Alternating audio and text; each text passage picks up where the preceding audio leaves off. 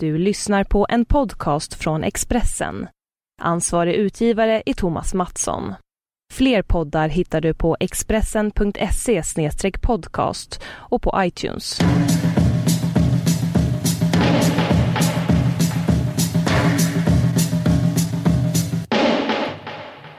Hallå! Hallå du! Hej! Hallå! Hej. Hej, hallå!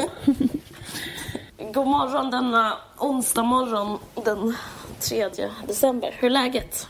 Jo, det är okej. Det känns faktiskt eh, det känns lite sjukt eh, eftersom eh, det är en regeringskris. Det Ja. känns liksom lite... Ja, det känns faktiskt så fucked up. Jättefucked up och jätteovanligt. Det här har aldrig hänt innan i Sveriges historia. Nej. Det är så himla konstigt för att liksom precis innan det här hände så har det varit sån um, debatt liksom, har du följt den här debatten inom vänstern som har varit så här uh, identitetspolitiksdebatten eller vad man ska kalla den. Åsa Linderborgs Ja, debatt. och så har det varit olika svar och liksom, ja men typ att så här, vänstern lite inom in, haft en någon slags man kan kalla inom vänsterdiskussion som varit så här, ska man, ska klass vara det viktigaste kriteriet eller kan man säga att andra identiteter är lika viktiga som klass och, eller är det att vara liberal och sådär, du känner till. Mm, mm, mm. Men eh, så för typ någon vecka sedan så skrev eh, Diana Molinari som är ehm, en... eh, Professor va? Ja, pr- precis. Hon skrev så här i Sydsvenskan, eh, liksom eh, en rätt så, ett rätt så bra inlägg i den här identitetspolitikdebatten som var så här, typ, eh, dels var hon väldigt mycket så här, vi måste eh, inkludera liksom eh, transperspektivet och antirasistiska perspektivet, vilket också är min hållning. Men sen så liksom skrev hon så här, ja men eh, hon bara, när jag bodde i Argentina på 70-talet så var det vänstern bara bråka, bråka, bråka, bråka, hade olika falanger, sådana blodiga, sjuka strider. Och sen ett år efter så hade högerfascisterna eh, tagit makten och dödade allihopa. Liksom. Ehm, nu eh, är det inte exakt det som har hänt. Eh, jag vill inte vara överdramatisk, men jag bara fick sån jävligt obehaglig, liksom, profetisk känsla. Man bara, just det, varför har vi hållit på med den här? Eller liksom så här, förstår jag menar? Man bara, mm, nu kan vi ha den här, det här bråket inom vänstern. Bara, meanwhile, så här, SD tar över parlamentet. Typ. Alltså, Jag vet, jag vet. Det, utifrån sett är det nästan som att det ser ut som en strategi att man ska ta koll på sig, att man går någon annans ärenden helt Ja. enkelt. Vänstern går högerns ärenden och håller på kivas så mycket. Och sen bara att det är så jävla obehagligt att de hade den här styrkan och makten. Man bara, oj, jaha. Alltså, nu, nu, Ja. de har ju verkligen, verkligen, verkligen, verkligen makt nu. Alltså. Ja, det är så jävla obehagligt. Och typ hela landets jävla framtid. Alltså, och det känns som att vilken utgång den blir så har de liksom all potential att så här, antingen få jättemycket inflytande över ett block eller forma en opposition som säkert kommer kunna få 30 procent ifall de då blir citat det enda oppositionspartiet. Men du har hört vad som har hänt va? Det senaste med att eh, eh, Alliansen vill inte samarbeta med Löfven. Mm. Och det betyder att de kommer samarbeta med SD. Betyder det det? Eller omval. Ja. Jag orkar inte. Jag, jag, jag är så jävla trött på den valrörelsen. Förstår du att orka se så här... Eh, orka liksom så här... Eh, att Folkpartiet ska sätta upp nya sådana feminism utan socialism som ska vara i varje busskur. Orkar, orkar man det liksom? Man orkar inte det. Nej, men, men jag vill bara säga en sak om det här med... Eh, för jag, det har ju varit så här under hela tiden det här valåret har man pratat om SD hit och dit och, och sen så efteråt pratar man också om SD. Hur kunde det bli så här? Bla, bla, bla. Det finns massa olika... Man pratar om typ att det är klassfråga eller liksom en, att de har blivit svikna. Det finns inget arbetarparti. Men grejen är, jag tycker, jag tycker det har varit för lite fokus på att, all, att vi lever i ett rasistiskt samhälle. Och jag känner att det är, vi måste så här börja prata om rasism. För, för, tycker du att jag känner något konstigt nu?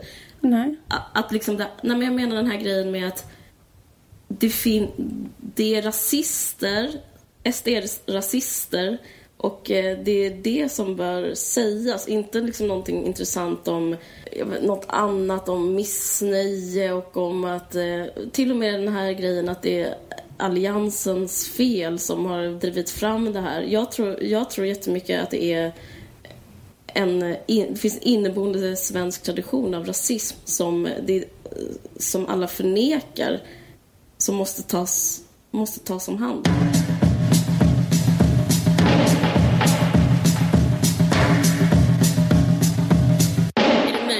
Beslut av, eh, i riksdagen att bara bestämma, göra om lagen så att eh, främlingsfientliga partier inte får vara med längre? Tror du det kan hända? Ehm, Jag upplever, alltså på riktigt, jag tror att om, om det blir ett nyval och SD får ännu mer... Jag, jag känner en sån Nazityskland-vibb komma att rulla in.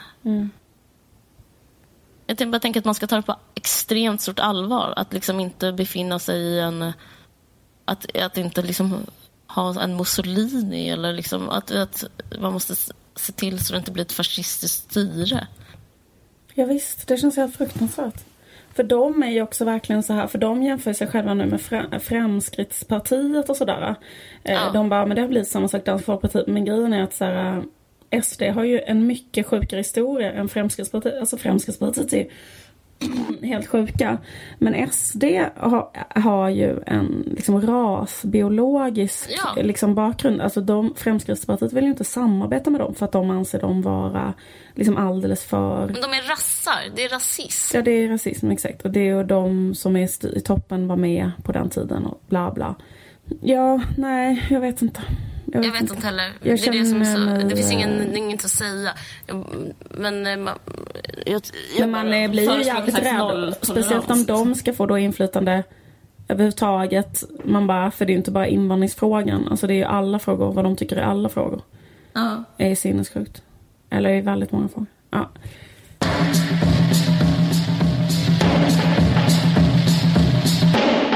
Annars? Jo tack. Själv. Jo, det är bra. Det är bra. Eh, den, den trogna lyssnaren kanske undrar hur det går med mitt körkort. Ja, hur går det med ditt körkort Caroline? Jag har ju kört upp fem gånger och eh, det har gått dåligt varje gång. Men jag hade en sån idé att köra i Skåne av någon jävla anledning. Eh, jag, men nu så har jag börjat köra, övningsköra i Stockholm. Eh, men det är faktiskt rätt så kul. Eh, eller jag vet inte. Alla pratar, jag har alltid älskat mina körskolelärare men nu så kör jag med en som heter Esteban eh, som är så här, ja, men, en sexist och eh, ja, men, han är rätt så galen. Eh, han frågade till exempel hur gammal jag var. Då sa jag att jag var 34 för att jag är det. Och då så frågade han mig om jag var i klimakteriet. Alltså det var min första Nej. Eh, jo, men, men det är rätt så intressant för att han, eh, han berättar om liksom, sitt liv jätte, jättemycket. Eh, och han, var, han var världsmästare i taekwondo innan. Och eh, apropå SD och apropå att rasism alltid funnits. Så på 80-talet var han en av de de där, alltså kick, han var en kickers. Ah. Så han umgicks med Liam Norberg. En Eh, kicker i en- singular en- eller? En kicker, precis. Och, och då, han, han berättade om hur... Ja, ah, visst var Liam Norberg? Ja, han Ah. är jättenära vän med Liam Norberg. Och de träffades på helikopterplattan i Gamla stan och slogs med skinnskallar. Ja. Alltså det här var liksom 80-talet där eh, då alla gick på kampsport. Inte alla, men alla så här... Eh, han, Paolo Robert, Roberto umgicks också, var också i hans krets. Alltså det handlade antingen Just var man skinnskalle eller så var man kicker. Mm. Och då gick man på kampsport och hade manchete. Eh, och så träffades, träffades Och man slogs. på och slogs och in i- inåt helvete. I Kungsträdgården? Ja, i Kungsträdgården eller i Gamla stan. Och eh, om man var kicker var man också hiphoppare. Men han berättade att alla hade det här, den här stilen att man typ var kanske från Latinamerika så hade man jättelångt hår. Den, den hiphop-stilen har ju dött ut. Det är det ingenting som har som blivit... fan. Ja. Ja, man har så här svinlångt hår. Ja. Som en indian typ. Och även Liam Norberg hade ju långt hår. Och Alltså, i det var liksom- pannband. Eller och alltså som, pannband. eh, vad heter det, precis. scarf Bandana. vikt. Precis. Bandana. Precis. Och sen så var man samtidigt hiphoppare och samtidigt som en blandning hiphoppare och hårdrockare. Och så var man, hade man så Adidas eh, overaller. Ja, men så jag, jag får reda på rätt jättemycket så här stockholmiana om hur det var. Ja, han berättade liksom om Eh, typ att han, han träffade Pernilla Wahlgren första gången. Han umgicks väldigt mycket med Ingrosso-bröderna. Det är så väldigt romantiskt att sitta i hans bil och höra om så här, hur det var, hur Stockholm på 80-talet så här, spelades upp. Ja. Eh, de gick på olika ställen. Ginos, Sofias. Han kände alla i dörren. Eh, och sen så... Det är liksom en helt annan sida av Stockholm som jag inte känner till. Och kommer du ihåg de där Stureplansskjutningarna som var för några år sedan? Ja. De kände han också, de som sköt och de som blev skjutna. Mhm. jag, får, jag får väldigt mycket så inside om um, så här krim, krimmys och Stockholm. Men Eh. eh, vad, vad sa han om Pernilla Wahlgren? Nej, men han umgicks mycket med Vito som var brorsa med Emilio. Emilio. Nej, men han, men han sa att hon var speciell. Jag försökte få lite juice, eh, men eh, han sa att hon bara var nice. Men, men Han är speciell så som en, vissa killar säger så här, hon är en väldigt speciell tjej. Men Ja, i väldigt, väldigt positiv bemärkelse. precis, jag tror det. Du, man, eller gå fram till en tjej och säga så här, du är väldigt speciell. Ja, men precis. Nej, men han har väldigt speciellt förhållande till kvinnor. Han bara, ni är kvinnor, ni, vill, eh, ni är så jobbiga. Alltså han är mycket sådär kvinnor och män, liksom. Mm. Jättemycket. Men... Jag, hade också, jag fick ett jättenära förhållande till min körskollärare när jag tog körkort. Jag tog också körkort när jag var så 32 liksom. Mm. Och då bara pratade vi, vi hade liksom sådana timslånga konversationer, alltså liksom från början till slut. Och han, men jag fick också sånt, eh, jag var så jävla rädd, alltså jag hatar att köra bil. Och en dag, alltså jag är fan livrädd när jag kör bil liksom. Och just att sitta så här och försöka svänga och det är liksom en rondell och man kan köra fel. Och det är mycket saker så att han bara så här, liksom han skrek åt mig som fan. Du vet, så här, man är så väldigt ovan, man är så här 33. Eh, och liksom, det är sällan, och även när jag var barn så är det rätt sällan, mina föräldrar var inte sådana så att de, så här, vissa föräldrar är så att de liksom skriker som fan på sina barn. Liksom. Vad fan har du gjort nu Kevin? Liksom så. Det, så var det inte för mig. Men nu Du går var jag... liv, liv, nej, nej, liv, nej, liv. Okej. Så var han mot mig. Det var det jag gjorde nu. Var liksom, han bara, vad i helvete tror du att du håller på med? Ska du döda mig här nu? Alltså så var han liksom. Och då blev jag ännu mer rädd. Och jag så satt verkligen på nålar för jag var liksom, han var så nära att bara explodera i sånt jävla utbrott så här. Vad fan har du liksom gjort med kopplingen? Så. Mm. Men då blev det så liksom att jag var rädd när jag satt där. Och rädd liksom för honom och rädd för liksom hela situationen. Och då blev det som att eh, det blev ett sånt Stockholmssyndrom. Där jag blev liksom besatt av honom, alltså av att få hans gillande. Ja. Och att, att, eh, att liksom jag började tycka om honom. Eh, För att jag kände mig som att jag var hans gisslan i den där lilla bilen. Men Liksom. man är ju det. Jag känner mig också som, som den här personens gisslan. Och eh, jag skulle, alltså, om han skulle fråga mig om jag var feminist skulle jag liksom säga nej. Jo, alltså, men- så, ja, men absolut. Han har drivit mig fram till det. För att han, alltså, jag vill bara, jag vill bara vara på hans lag. Jag vet, och jag kände liksom inte bara så här att jag säger så här, det är bäst att jag låtsas vara på hans lag. Utan så här, när jag Nej. sitter där så är jag det. För att jag har blivit som honom nu. För att jag har blivit som den där äh, Patricia Hearst. Kommer du ihåg när hon blev kidnappad av en vänsterextremistgrupp och själv blev vänsterextremist? Ja, Hon var arvtagare till så här Hearst-imperiet. precis. Jag känner också att de berättar så otroligt mycket om sina egna liv. Mm. För han berättade jätte- jättemycket om hans relation med sin tjej och sådär. Och Ja, då visst. var han liksom så jävla, liksom så här, att han sa sådana grejer, att han var liksom arg på sin tjej. Att han var så här, okej, nu har min tjej liksom bråkat som fan med mig för att hon säger att jag aldrig städar och lagar mat hemma hos oss. Och så var han så här, Okej, och då försöker jag liksom säga till henne så här, eh, jag kommer liksom hem från jobbet, jag är liksom jävligt trött, jag kanske bara liksom har lust att sätta mig ner framför tvn och ta det lugnt. Du liksom pluggar och det är liksom, man bara, ursäkta, alltså han liksom ville ha mitt, han ville ha en high five Ja, visst. från mig ja, på det så här. Eh, tjejer typ ska säga till en att man ska laga mat och städa. Fy fan för det. Typ. Och då är ju, blir ju jag så att jag typ high-fivar honom för det. Och sen kände jag att jag blev också oro. Jag blev så här, jag, jag blev också så här, jag bara hon kommer liksom göra slut med honom för att han, att han är så. Han fattar liksom inte själv att han så här, ja men vad fan, du har ändå träffat en tjej. Det, du, ska, du, just du kanske ändå ska vara rätt glad du liksom har hittat någon och så, då, då kan du hålla på så att du inte ska diska och städa.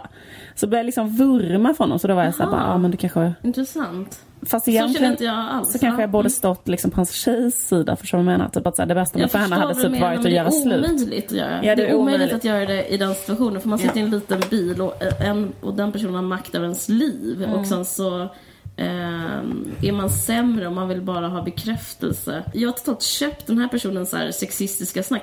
Eh, och det ingår, eh, han får liksom in det i själva lektionen också. Till exempel om det är en grön pil och man ska svänga till vänster. Då kallar han den, eh, du är den gröna drottningen, fattar du? Du är den gröna drottningen. Så han har liksom sånt sexistiskt snack i själva bilkörningen också. Att så här, jag är den gröna drottningen och då ska alla lyda dig. Fattar du? Det är ingen jävel som inte kommer att jiddra med dig. Så det är också väldigt mycket så här eh, för in den här kickers eh, förstår. Ja. Och så sen, den där, han är helt skadad. Och sen så typ han så här, frågar mig, har du barn? Jag bara, nej det har jag inte.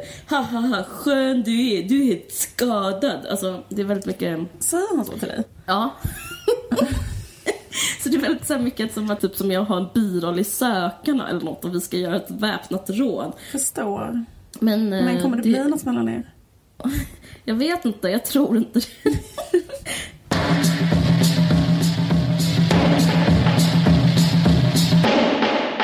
Jo, jag var i Danmark i helgen. Kul. Hygge. Ja, det, det, det, är liksom, det är både och. Det är liksom hygge och liksom alltid tycker jag en så här väldigt dubbel känsla när man är i Danmark. Liksom. För att Ja. apropå det du pratade om innan. Eh, för de har ju haft en kulturdebatt kan man säga som har eh, utvecklats som har varit på ett annat sätt än i Sverige de senaste Mm. tio åren. Och eh, inte bara det att Dansk Folkparti har ju liksom inget inflytande längre men det är ju en stämning i Danmark som är, har präglats fruktansvärt mycket av det. Liksom när man är i Danmark, där är det så här, först när man är i Köpenhamn så är det bara så här i hela Köpenhamn tycker jag är så här alltid. Det kommer förbi en häst och vagn och en, eh, en gubbe som är klädd så som det var förr. Och eh, har en parad av gamla slags brandbilar. Eh, alltså att det är liksom en, man älskar Danmark och det gamla Danmark. Alltså det, man kan inte gå en meter utan att det, alltså man stöter ihop med så här någon som är klädd så som man var klädd förr och sådana saker. Mm, jag vet. Eh, Och det är liksom så här um, hänger bara såna långa, långa, långa, långa rader av danska fanor. Alltså typ så centralstationen, bla bla bla bla. Sen var jag också på, um, eh, så var jag på Nationalmuseet, Danska Nationalmuseet. Mm. Med mina barn. Då var det liksom sån här stämning då att det finns en museishop. Då säljer de till exempel eh, den här barnboken Lille Svarte Sambo. Mm. Eh, helt liksom, alltså du vet, bangar inte en sekund för här skylta med Lille Svarte Sambo. Jag fattar. Eh, och den, eh, alltså kommer du ihåg, grejen det sjuka att jag läste liksom den när jag var liten. Ja, men jag har också gjort det. Ja, det handlar Sam- det, det är en jättekonstig story. För det handlar om tigrar som blir smör. Som springer runt ett träd tills de blir smör. Eller? Minns jag fel? Minns du detta? De blir smör. Eller? Kommer jag ihåg fel? Då de Nej, du har springer rätt, jag så minns snabbt så att de blir så här äh, ser ut som smör och sen blir de smör och sen går han hem och typ käkar upp dem. Med sin familj. Eller? Det, det, det, det skulle kunna vara så. Det låter jättekonstigt, men det låter också eh, troligt. Men äh, den, den här boken den kom liksom ut i slutet av 1800-talet.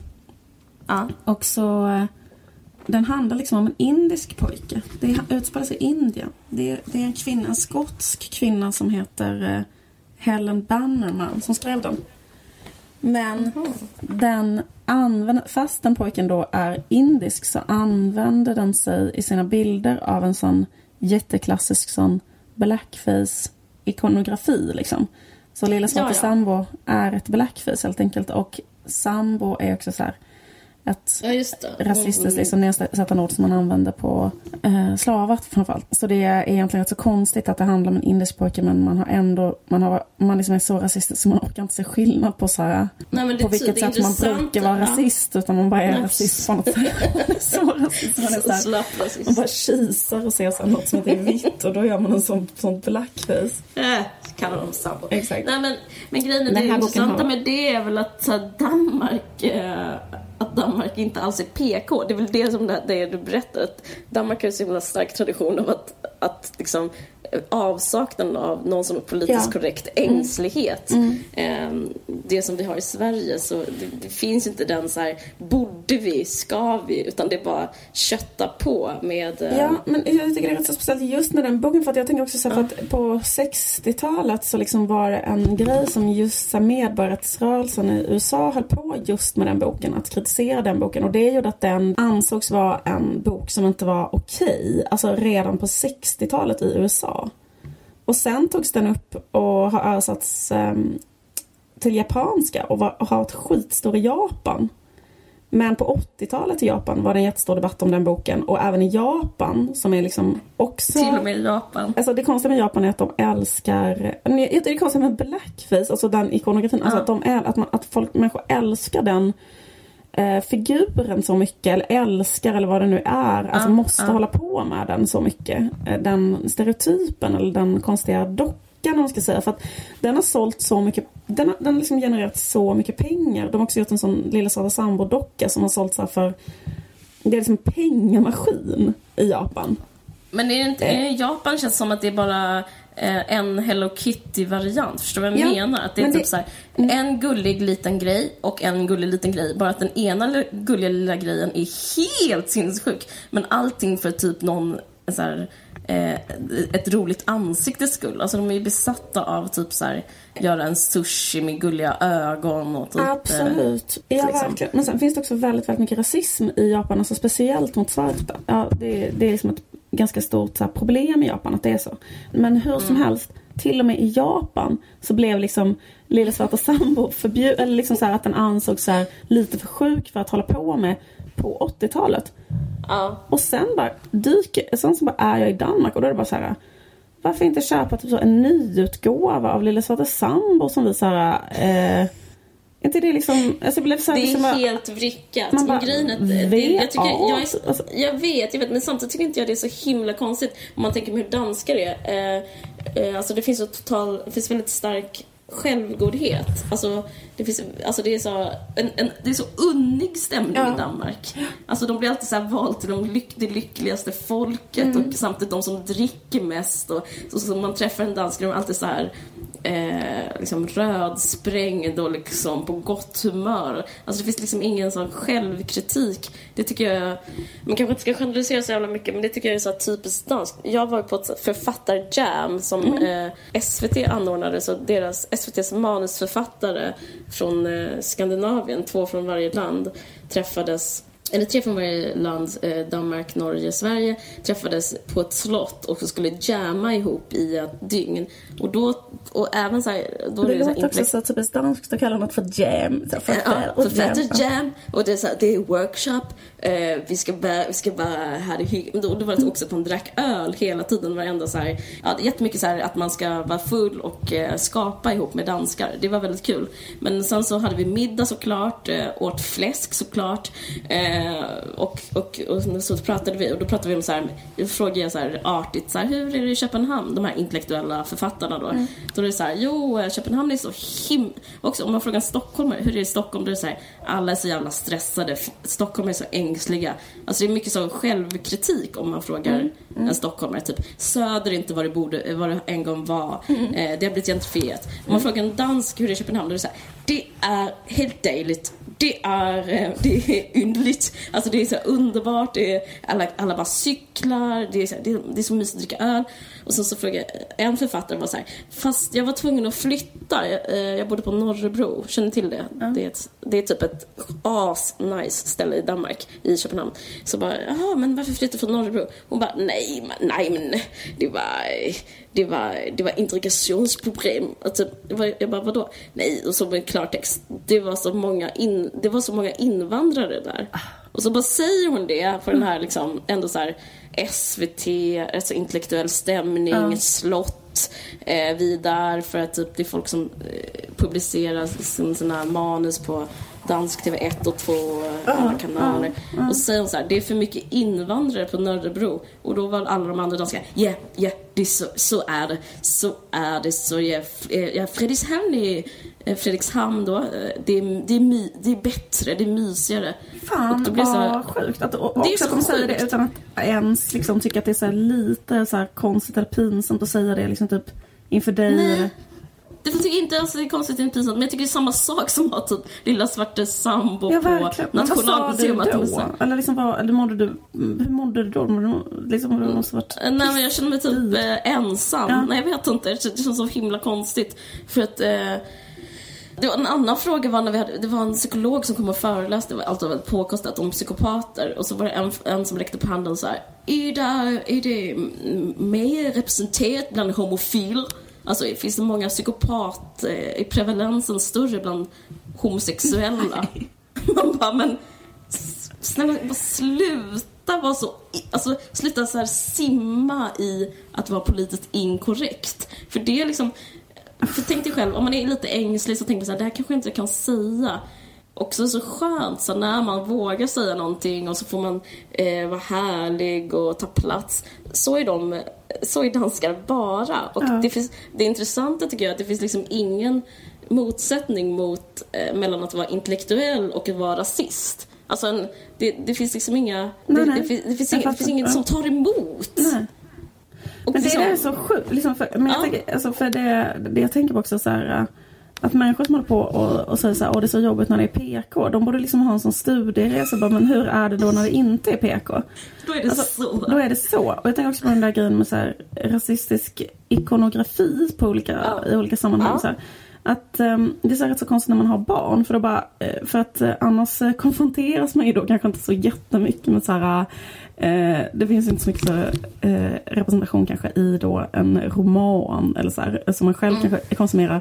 Men om man har barn så kanske man liksom utsätts för olika saker. En Tom och Jerry-film. Jag vill säga exempel. Jag och mina barn kollar på en Tom och Jerry-film. Då bara, mm. vad, vad händer? Jo, bara så här, eh, Tom eldar upp Jerry och då blir han helt svart. Och då ja.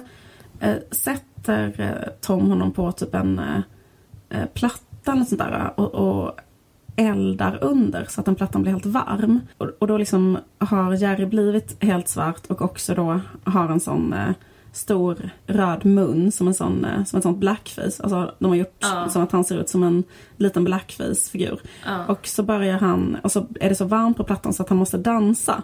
Så att han dansar en sån infödingsdans typ. Och, bara, och då, då är det bara så här, ja men det här är liksom ett, inte, alltså det här är bara barnkultur då liksom. Och sen så kollar de på, jag menar nu har de klippt bort, eh, de har ju som tur är liksom klippt bort det så här från tomtverkstan då på julen. Liksom, men eh, på, om man kollar alla barn, det är väl inga, inga barn nu för tiden sitter och kollar enbart på tomteverkstan liksom på julafton som vi gjorde utan alla barn kollar på det på Youtube liksom. Mm, mm. Och då kollar vi på det där och då är ju all, alla de med. Och då är det, så här, det är ju inte bara den där blackface, blackface-dockan som då är ful i relation till den vita dockan som är söt. Och sen är det också en, en jude typ i, som Alltså vissa så antisemitiska stereotyper. Alltså allt är ju liksom helt uppåt väggarna. Jag menar att det är så här, det, det behöver liksom göras så fruktansvärt mycket mer. Alltså folk bara, åh den här debatten den är så urspårad. Man bara, den här debatten ja, den, den, behöver liksom, den har bara börjat och den behöver liksom vara så jävla mycket mer grundläggande och liksom mycket, mycket, mycket mer det är precis det du säger om SD. Alltså det är så jävla konstigt liksom att man bara lever i ett samhälle där den typen av representationer är så himla himla förekommande. Det blir på ett sätt ännu sjukare då när man lever i ett mycket mer multikulturellt samhälle. Jag tänker liksom att de på den tiden då när de gjorde dem så fanns det kanske så här Alltså samhällena var mycket mer homogena. Men nu mm. är samhällena liksom mycket, mycket mer så här på grund av modernitet och migration, liksom att det ser ut på ett helt annat sätt. Mm. Och då, eh, då blir det liksom ännu, äh, eller det är liksom sinnessjukt redan från början, men det blir liksom ännu mer sinnessjukt. Ja. Alltså, för jag tycker så, det, det, är rätt så mycket, eller det, det känns som att det finns någon slags um, skevhet, vad ska man säga? Det är, det är som att samhället på ett sätt inte hängt med. Och man, man måste så slå fast, lever vi i ett rasistiskt samhälle eller inte? Det tycker jag är konstigt med de här blackface-debatterna och vad fan vill jag hjärtat hit och dit, allt det där. För att man hela tiden, i Sverige är det i alla fall så att man liksom frågar sig om och om igen. Ska det, ska det vara okej med lite rasism eller ska det inte? Mm. Jag, tycker, jag skulle önska att leva i ett samhälle som var så här. Det är mot mänskliga rättigheter. Det är självklart. Det, det är som hela tiden så en ny intressant debatt. Mm. Jag vet inte. Jag, det skulle vara liksom göttare om man är så här. Det här får inte hända igen. Eh, vi bär på ett ansvar. Och, och det, det blir väldigt underligt när det är när det liksom ställs som en intressant fråga som ja. man kan vara för och emot. Um, men, det, men, men, ja, precis, men det tror jag också beror på så här liksom, eller uh, det du säger också innan liksom, där med historieskrivning och självbild och så. För att ja. man har ju liksom en självbild uh, i Sverige som att man är tolerant och att man inte är rasistisk. Precis. Men så här, i själva verket så är Sveriges rasistiska historia helt bortglömd och inte blir undervisad om och inte liksom satt under lupp. Och liksom, ja, det är så många händelser och skeenden i svensk historia som liksom inte ens är... Jag blev så jävla glad för jag såg att så här, Unga Klara ska göra en ja. Eh, pjäs om Sveriges rasistiska historia. Den ja, har premiär 7 mars 2015 och den heter X. Och där, det, då läste jag att de ska ta upp sådana grejer som till exempel så här, att Sverige hade slavfort. För Sverige hade ju sådana mm. kolonier då två stycken. Eh, Gustav mm. den tredje drev det till exempel väldigt mycket så här, mm. att de skulle ha det. Eh, där i St. Barts, det som är alla mm. liksom, kändisar, Hollywoodkändisar är där mm. alltid nu. Men det var ju en svensk koloni till exempel och, då, och med mycket slavhandel och sådär. Och då, då blir det så mm. konstigt, liksom så här, det har jag aldrig läst i en historiebok. Hela Sveriges vibb med samerna. Eh, alltså konstruktionen av svenskhet i relation till samer. Konstruktionen av svenskhet i relation till eh, de judar som fanns i Sverige i början av 1900-talet. Alltså så här, typ, just när man pratar om stereotyper och karikatyrer mm. så det som grej. Så det fanns typ bara några tusen judar i Sverige. Men då hade man ju så dagligen varje dag i så här skämtpress eller vanliga dagstidningar mm. så här judekarikatyrer varje dag i liksom mm. mellan 1900 och 1930. Sen efter det blev det så här lite dålig eftersmak på att rita en sån judekarikatyr i en tidning. Mm. Men fram till dess så bara håller man på med det. Eh, ja, men därför tänker jag liksom så här, man kan ju se på det. Hade det varit mycket, mycket större del av undervisningen, bara så här, vet ni om att det var en jättestor industri kring att göra judekarikatyrer och fruktansvärt opolitisk, oproblematiserad antisemitism överallt i samhället mm. innan förintelsen. Och därför reagerade inte människor. Men jag håller med. Det är, liksom, det, det är farligt att ha den självbilden som är att eh, man inte är uh, rasist. Uh. För om man har den så får det plats med rasism. Man har rätt till yttrandefrihet. Ja. Det slutar handla om rasism och det handlar liksom om yttrandefrihet. Och, eh, och den diskussionen kan man ha om man inte lever i ett rasistiskt samhälle. Jag vet inte. Men jag, bara, ja, precis, eller så att jag tycker som yttrandefrihet är en sak. Det, liksom, det handlar inte om att man ska förbjuda de eh, sakerna tycker inte jag. Men däremot så måste de vara utsatta för en debatt om man sätter in dem i en kontext, i ett historiskt sammanhang och så. Sen kan de ju existera. Jag, vet inte, jag, liksom, jag, jag tycker inte att man ska så här, förbjuda folk att bryta en grej eller så här, om det inte är då går inom ramen för hets mot folkgrupp och så. Men det som är grejen är att, att det måste så här, förklaras och diskuteras och debatteras utifrån vad det är. Det är samma grej som sexism, så här, bara, ah, men typ att hela tiden porträttera kvinnor på ett visst sätt inom reklamen eller så här, som man gjorde mm. så på 50, 60, 70 och fortfarande såklart. Men liksom, det eh, handlar väl om att så här, öka en allmän medvetenhet som gör att man kanske ska sluta eller att alla då i hela samhället förhoppningsvis själva då medvetandehöjer sig på ett sätt som gör att man försöker skärpa sig typ. Eh, mm. Och tänker så här, det här kanske är typ pyttelite problematiskt och så. Men... Alltså jag, ändå, jag tycker man ska förbjuda det. Jag, det kan låta askonstigt men, men jag bara tänkte på en sak över det här med regeringskrisen nu. Vad som är men narrativet med det som händer nu är ju rätt så speciellt och det är rätt så attraktivt.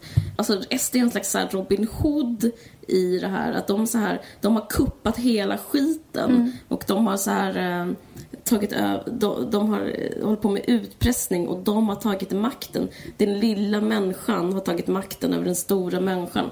Jag vet inte.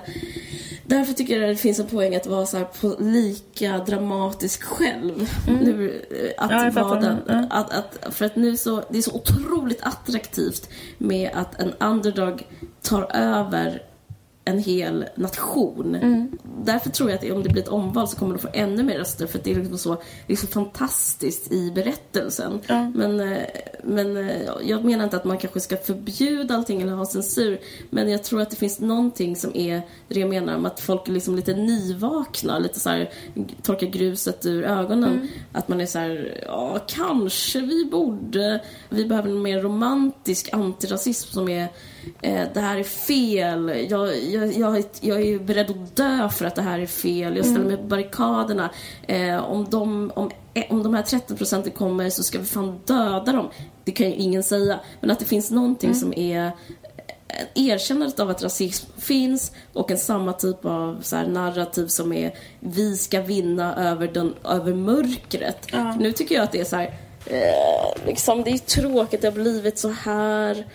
Eh, Alltså, jag, jag känner mig duperad helt eh, dramaturgiskt. Och jag är sur för att de ska så äga den här dramaturgin. Ja, men jag tycker ändå att det har funnits någonting positivt om att alla de andra sju partierna har liksom bestämt sig för att inte göra till exempel invandringsfrågan till en valfråga. Och så. Det har man varit stolt över dem, att de inte har liksom gått på det så som de har gjort i Danmark och Norge. Att de, även de andra partierna har börjat så här, hålla på med att så här, jo, nu ska all samhällsdebatt bara röra sig om att det är för mycket invandrare i Sverige. Typ så här klimatfrågan ska handla om att det är för mycket invandrare i Sverige. Alltså typ att allt vi pratar om ska handla om det. För, så, för det är ju det de har lyckats med, de här eh, Jo. krafterna i andra länder. Och nu så blir det så himla sjukt för att nu liksom tvingar, tvingar, tvingar, tvingar de fram det till det. Just när de säger så här, vi ska vara det enda oppositionspartiet. För då ska de vara så här, för vi är de enda som tycker olika än de andra partierna i denna fråga. De har ju liksom då lyckats med det. Att få fram det till att sätta invandringsfrågan som egentligen inte är en särskilt... Stor fråga. skulle- nej, exakt. Skulle inte överhuvudtaget egentligen behöva vara en särskilt viktig fråga. För det är liksom i alla fall inte en ideologisk fråga utan det handlar ju snarare om... I mångt och mycket handlar också invandringsfrågan om så internationella bestämmelser. Det är liksom så här, det är nu är det ett krig i Syrien. Det finns inte så jävla mycket man kan säga och göra egentligen. Det är så bara, det är så nu att de här människorna behöver komma hit. Man bara, ja, men liksom ska vi säga då bara, ja det vill inte vi. Nej, men det var ju tråkigt men vi bor ändå på Tellus typ. Jag vet, jag vet. Men jag, jag menar att jag vet att de inte sagt så här, eh, vi vägrar. Eller de har sagt så här, vi kommer inte göra det till en fråga. Men de har ju inte heller sagt så här, jag kommer dö före den dagen då en... Alltså, det finns ingen kampmässighet i antirasismen heller. Det är mer så här, nej vi pratar inte om det. Det är mer så. Det skulle, jag tycker det skulle vara gött om det fanns en slags eh, liksom en slags hjältestämning kring att vara antirasist. Typ att Stefan Löfven hade någon slags brandtal om att eh, det här får inte hända igen. Förstår du liksom vad jag menar? Att det, för att det är attraktivt och det är så tro, politik funkar mer än sakfrågor. Att man vill ha en person som är tydlig, som har en ideologi, som man kan följa och som man kan så här rösta på. Alltså det är som sport på något sätt.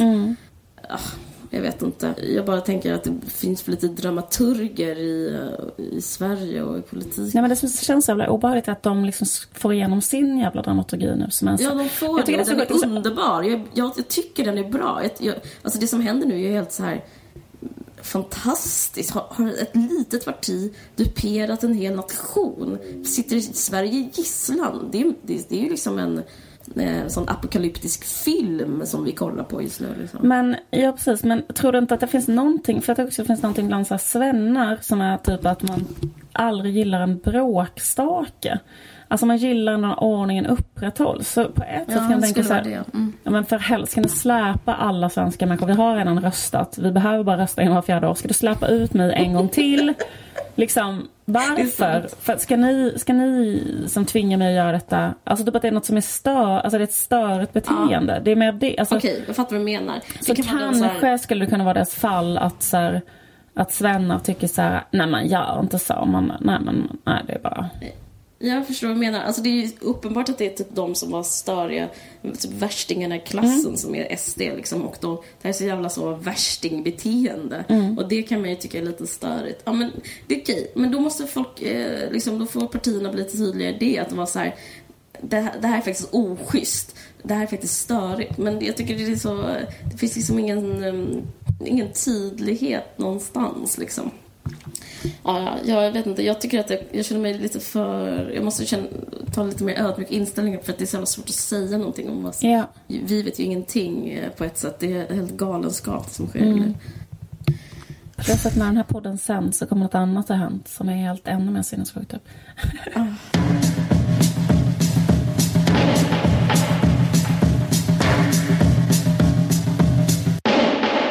Du sa att du hade kollat jättemycket på TV i helgen. Varför det? Jag vill inte vara för privat. Jag var på landet. Ah, Okej. Mysigt. Ehm, Jag såg eh, På spåret med mina vänner Filip och Fredrik.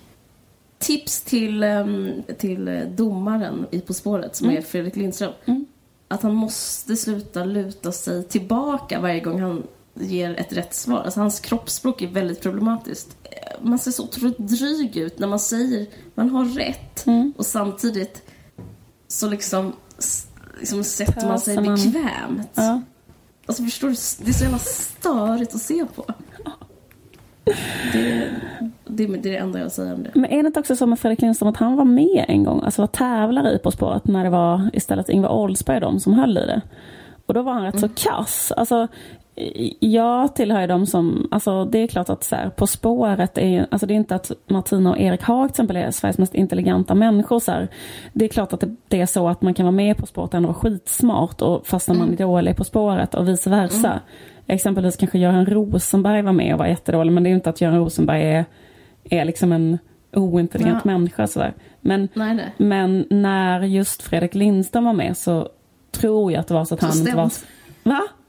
Så stämde den grejen att man är dum om man inte kan grejer. Nej men jag menar att han kunde inte så himla mycket och, och det, liksom, jag hade inte heller kunnat så mycket om jag hade varit med På spåret liksom. Men, men hur som helst, för, för, för, för att fortsätta. Han kunde typ väldigt lite när han var med som deltagare. Därför tycker jag att det finns något hycklande i det att han nu sitter där och är så här. Ja, förstår ni, det var faktiskt så att det var Vänern redan på 1400-talet som började med en sån här handelsförbindelse. Alltså, Ja. För att bli så här, ja, det står på din jävla lapp framför dig. Människor som är så extremt smarta eller allmänbildade, de, de är ofta så här att de eh, kan hålla käften och typ låta någon annan säga någonting och vara nyfikna. Det är ju, om man är trygg i sin eh, allmänbildning så är man så.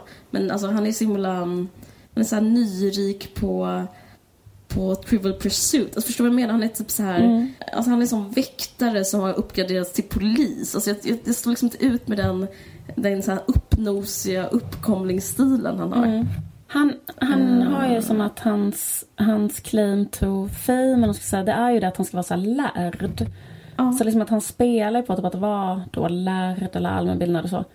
Och då liksom, om nu liksom eftersom han har facit på små lappar hela tiden framför sig, så kan han ju spela, spela den rollen liksom hundraprocentigt. Jag vet men det Men- blir otrovärdigt för att man alla, varenda jävel fattar ju att har lappar framför sig. Och sen så blir det otrovärdigt när han, han he tries too hard. Också att han har en sån stil att han har väst. Alltså typ som en sån Alltså han är typ en sån karikatyrbild om man skulle så här, göra en så här satirbild av en, så här, vad en professor är. Så typ har han klätt ut sig till det, sitter i pöser och läser upp så här, svar om olika, eh, ja men typ om eh, Vänern. Liksom. Jag vet Alltså jag tycker det är rätt så intressant faktiskt, för jag kan faktiskt känna igen mig i Fredrik Lindström rätt så mycket. För jag... Att typ att agera som en professor. Ja, utan att ha tillräckligt mycket på fötterna. Typ att det kan bli en, så här, en mediebild av mig själv. Så här, men du kan så mycket, så jag bara säger, men jag kan egentligen inte särskilt mycket. Jag kan ju så här, typ läsa på om ett ämne och sen säga något, men jag kan ju inte... Alltså jag tycker faktiskt det är en så intressant grej med allmänbildning. Jag har faktiskt en spaning om allmänbildning som är så här att jag tror det bästa sättet att bli allmänbildad det är att vara så att man inte tror att man kan så jättemycket. Förstår du vad jag menar? Typ så här, för att bli, liksom, till exempel Erik och Martina Haag, de är så fruktansvärt allmänbildade. Alltså när, man, när jag sätter mig På spåret så är det liksom bara fucking baxnat av hur mycket de har lyckats snappa upp under sin livstid. Alltså mycket, mycket, mycket, mycket, mycket, mycket mer än mig. Och det tror jag att de beror på att de är så här. Jag tror att Martina Haag är så här. Källa 100% feeling. Jag tror att hon är så här. Hon tror inte att hon kan någonting typ. Och är bara så här. När hon träffar en ny människa så är hon så här. Va? Är det sant? Har du varit på Gotland? Ja men vad heter den huvudstaden? Jaha, heter den det? Alltså, typ, Ja, typ så här, men det är det jag menar med berätta- ödmjukhet. Ja, det är det jag menar med ödmjukhet. Och liksom det har fått henne till att bli så här Sveriges mest allmänbildade människa. För att hon har varit så här på var, alla middagar. Så har hon varit så här den lyssnande. Som har suttit Ja. och ställt så här, och och också att hon är så här väldigt, har mycket energi. Så hon liksom så här kanske gått runt till så här 40 olika människor på en fest och liksom bara så här frågat, frågat, frågat, frågat, frågat. Och inte bara frågat utan så här lagt på minne. Varit hemma hos en kille som haft en jättestor skivsamling. Då har hon varit så här bara, vad är det för skiva? Vad är det för skiva? Vad är det för skiva? Vad är det för skiva? Vad har de gjort innan? Vad har den gjort? Vad har den? Alltså, det så, här, så har hon liksom lärt sig allting om så här och själv Men har man varit så här när jag varit hemma hos en kille så har jag varit Ja. så här. Eh, nej, jag, själv gillar jag den här skivan som jag redan har och kände till. Lyssna på den själv, typ så. Om Mm. jag skulle träffa någon skulle jag själv berätta något. Typ så här, att, att man är så här. Att det gör att man blir på sikt du, liksom mycket, mycket Ja. mindre allmänbildad än andra människor. För att man är så här. Man vill inte vara i den där eh, Han vill vara inte i underlägepositionen. Nej. Men det är det jag menar med Fredrik Lindström, att han, han, han är otrovärdig som att Mr No, know it all med att han, att han vägrar ställa sig i underläge. Ja. Istället sätter han sig i överläge, lutar sig tillbaka, säger ett svar och det skvallrar liksom. Ja, men då kan inte du ett skit. För att man måste vara som Martina Haag Ja. som är också, för man sätter sig själv på spel när man frågar. Alltså det är Ja. en sårbarhet att vara så här. Eh, jag vet inte. Mm. Det säger nästan ingen.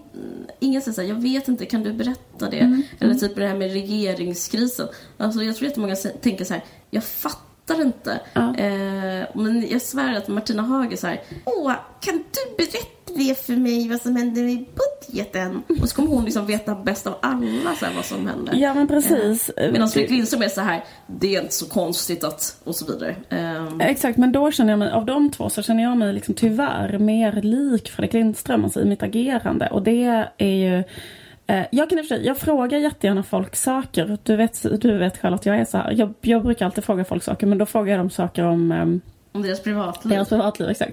Men jag, jag frågar alltid så här, eh, och det gör ju du också. Du är så här, du träffar en, en människa på Ja, gatan och så frågar du så här, vad är, hur har du och din fru hållit kärleken vid liv? Du ställer sådana frågor till en Absolut. människa. Men skit i det, så är jag också.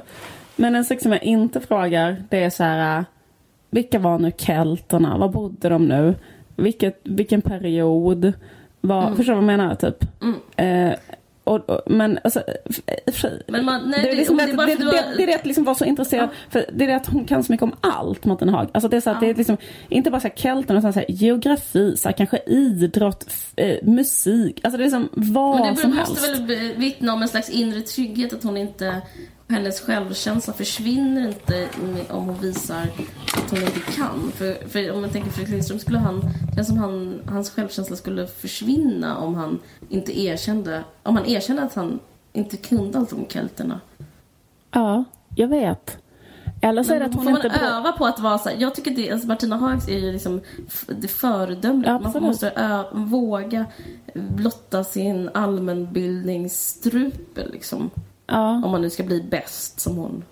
Tror du att hon har någon användning för sin allmänbildning? Eh, nej, det kan, ja, i På spåret har hon det. Ja, i På spåret. Men- Får, hon, nej, men- får man pengar om man är med? Det måste man få. Alltså för att man Nej, jag tror inte så mycket. Nej, men jag tror att hon har haft alltid väldigt låg status för att hon har ju också umgåtts med det killgänget som håller Ja. på som har byggt en karriär på koll. Alltså ironi och koll. Och det är också det, det jag tycker är så himla Eh, det är jobbigt att sitta och titta på dem. Det är som att mobbarna fick rätt. Så känner jag när jag ser Fredrik Lindström och Christian Luuk sitta där. Man bara, men vad händer med karman?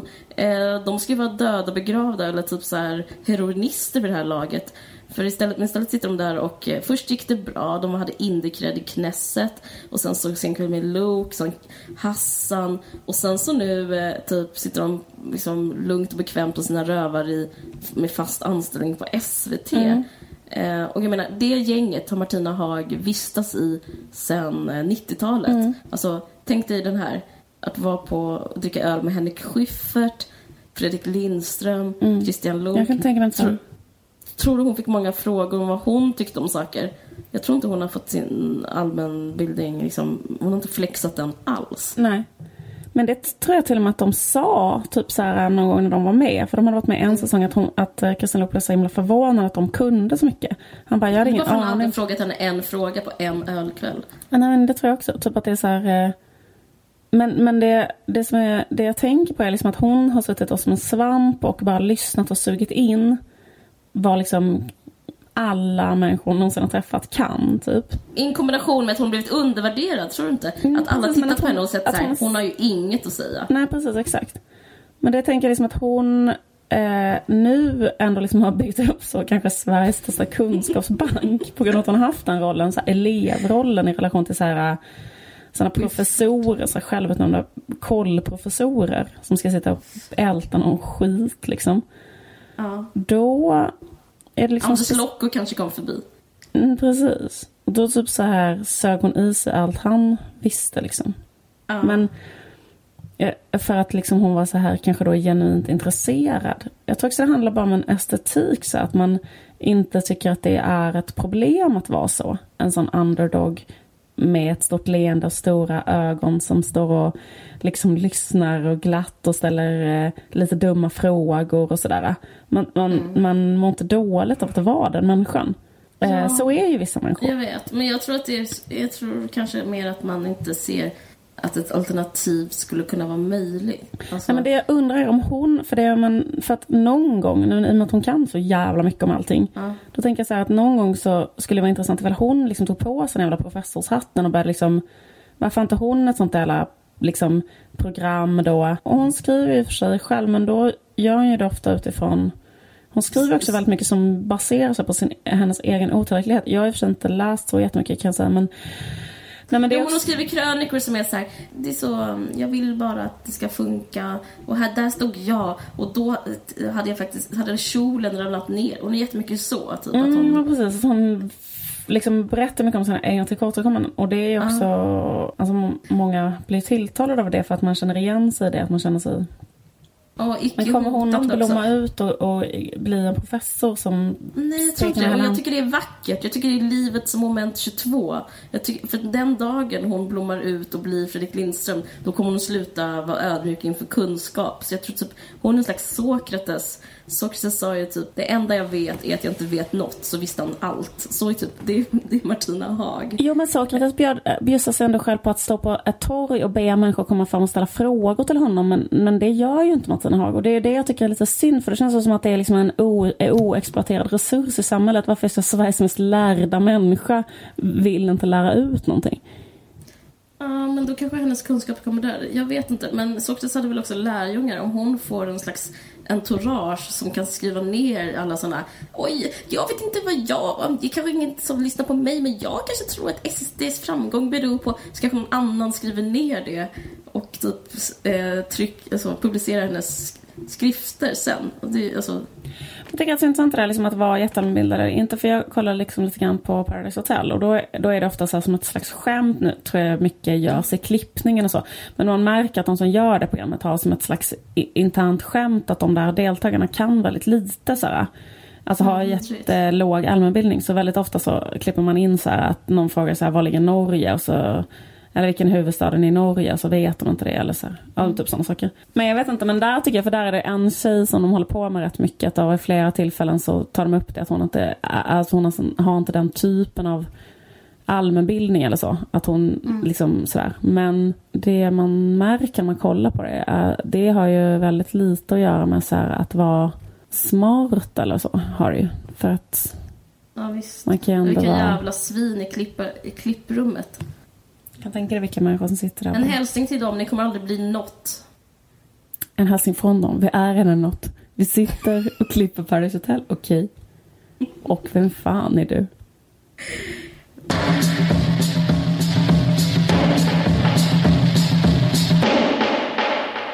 Vi håller också på att jobba rätt så mycket med att vi gör vår bok. Ja, Och det är liksom... eh, Det är så jävla kul faktiskt tycker jag. Tycker du att det är Mm. kul? Det är jättekul. Det är fantastiskt att det blir en bok. Jag, jag, Ja. vi, vi skriver alltså en bok nu. Det, Mm. det är helt otroligt. Och eh, den kommer att komma ut i februari, det va? Ja, precis. Och- Och det är liksom en bok så folk har ställt frågor till oss som vi svarar på. Det är jävligt Mm. svårt. Det, är så, det liksom tar, tar så himla lång tid. Uh, Det kanske låter slappt, men jag måste faktiskt berätta att eh, jag har fan Vi- gett allt. ja, vi ja, ja. svettas och... Ja. Folk ställer typ sådana här frågor bara. Ska man skaffa barn eller ska man inte göra det? Ja. Det menar att det är liksom inte så lätta frågor att svara på. Eller typ så här, varför är man beroende av andra människors bekräftelse? Det är, det är mycket. Det är mycket. Det kommer Mm, att det, bli... det är väldigt, väldigt intressant. Det är jävligt intressant. Vi är ju som sådana låtsasprofessorer lite grann där. Verkligen. Vad tycker ni om Woody Allen? En fråga. Lite enklare. Men... ehm, Ja, precis. Det finns lite högt och lågt, kul och djupt samtidigt. mm, Det kommer bli det skitfett. Ja, verkligen. Tack för att ni har lyssnat. Det här är ett samarbete med Expressen Kultur. Ha det så fint. Hej då. Du har lyssnat på en podcast från Expressen. Ansvarig utgivare är Thomas Mattsson. Fler poddar hittar du på expressen.se podcast och på iTunes.